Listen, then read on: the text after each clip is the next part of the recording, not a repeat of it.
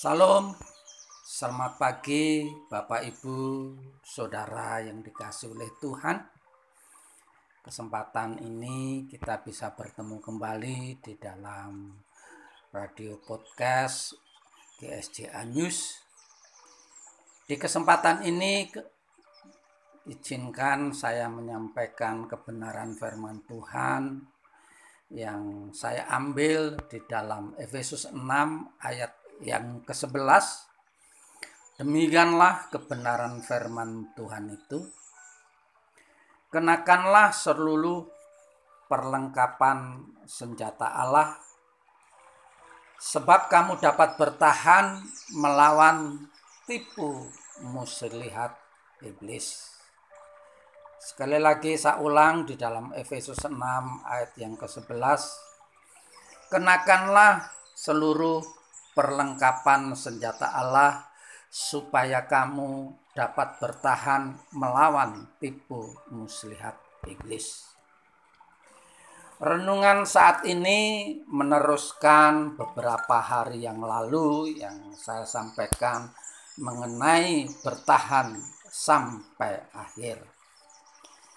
Di kesempatan beberapa hari yang lalu, kenapa kita tidak bisa bertahan sampai akhir? Ada kedua, yaitu mengenai kekecewaan atau menyerah di tengah jalan.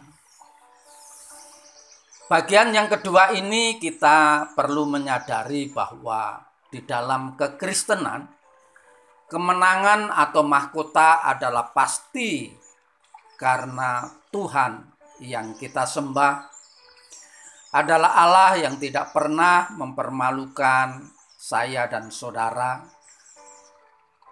yang tidak pernah mempermalukan orang-orang yang berserah, berharap, dan mengandalkannya.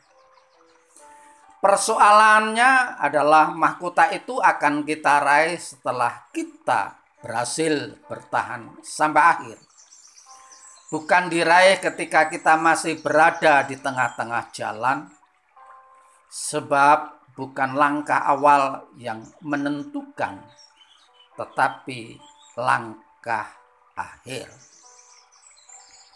Sesungguhnya iblis tahu bahwa ia tidak dapat melawan kita karena roh yang ada di dalam diri kita jauh lebih besar dari roh yang ada di dalam dunia ini. Tetapi iblis tidak mau menyerah begitu saja karena itu ia terus menyerang kita dengan bermacam-macam tipu muslihat.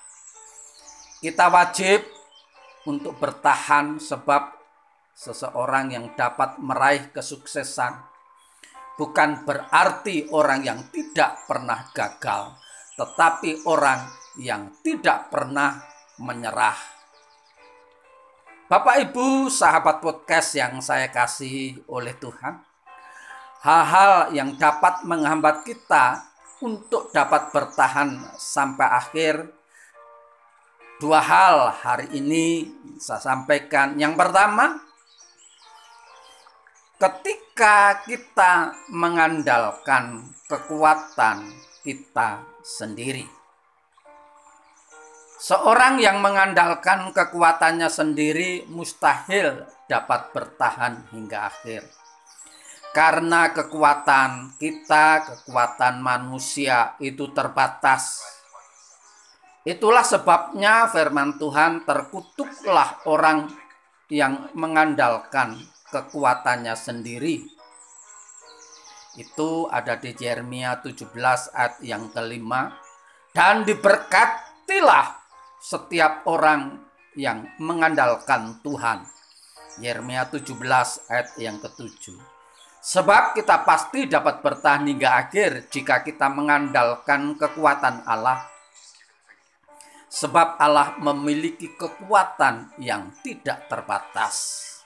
Oleh karena itu, sobat podcast yang dikasih oleh Tuhan di dalam menjalani kehidupan ini, mari kita bersama-sama mengandalkan Tuhan, bukan mengandalkan kekuatan kita sendiri, karena kekuatan Tuhan itu tidak terbatas. Yang kedua, ketidakmampuan kita dalam menghadapi peperangan. Kita hidup di dalam dunia ini penuh peperangan. Orang yang hanya meninggal atau orang yang sudah dipanggil Tuhan, merekalah orang yang tidak atau sudah selesai berperang. Selama kita masih hidup, kita tidak lepas dari peperangan itu. Oleh karena itu, ketidakmampuan kita dalam menghadapi peperangan menjadi faktor penyebab kita tidak berhasil bertahan sampai akhir, karena peperangan membutuhkan dua hal, yaitu kekuatan dan kepandaian. Artinya, di dalam kekristenan kita butuh kekuatan untuk berjuang, namun juga butuh hikmat, sehingga kita tahu kapan harus maju, kita tahu kapan harus berdiam, kita tahu kapan harus sabar dan kapan harus menyerang. Inilah yang disebut hikmat itu. Seorang yang berjalan maju dengan menangis sambil menabur benih pasti pulang dengan sorak-sorai sambil membawa berkas-berkasnya. Mazmur 26 ayat yang ke-6. Itulah sebabnya seberat apa pun perjuangan kita, mari maju terus sebab kita pasti meraih kemenangan bersama Tuhan. Di akhir Akhirnya Bapak Ibu Saudaraku yang dikasih oleh Tuhan. Bertahanlah sampai akhir sebab kita pasti akan meraih kemenangan, meraih mahkota, meraih berkat-berkat Tuhan. Di dalam perjuangan jangan pernah kecewa, jangan pernah menyerah dan teruslah mengandalkan kekuatan Tuhan. Tuhan Yesus memberkati, selamat beraktivitas, tetap semangat.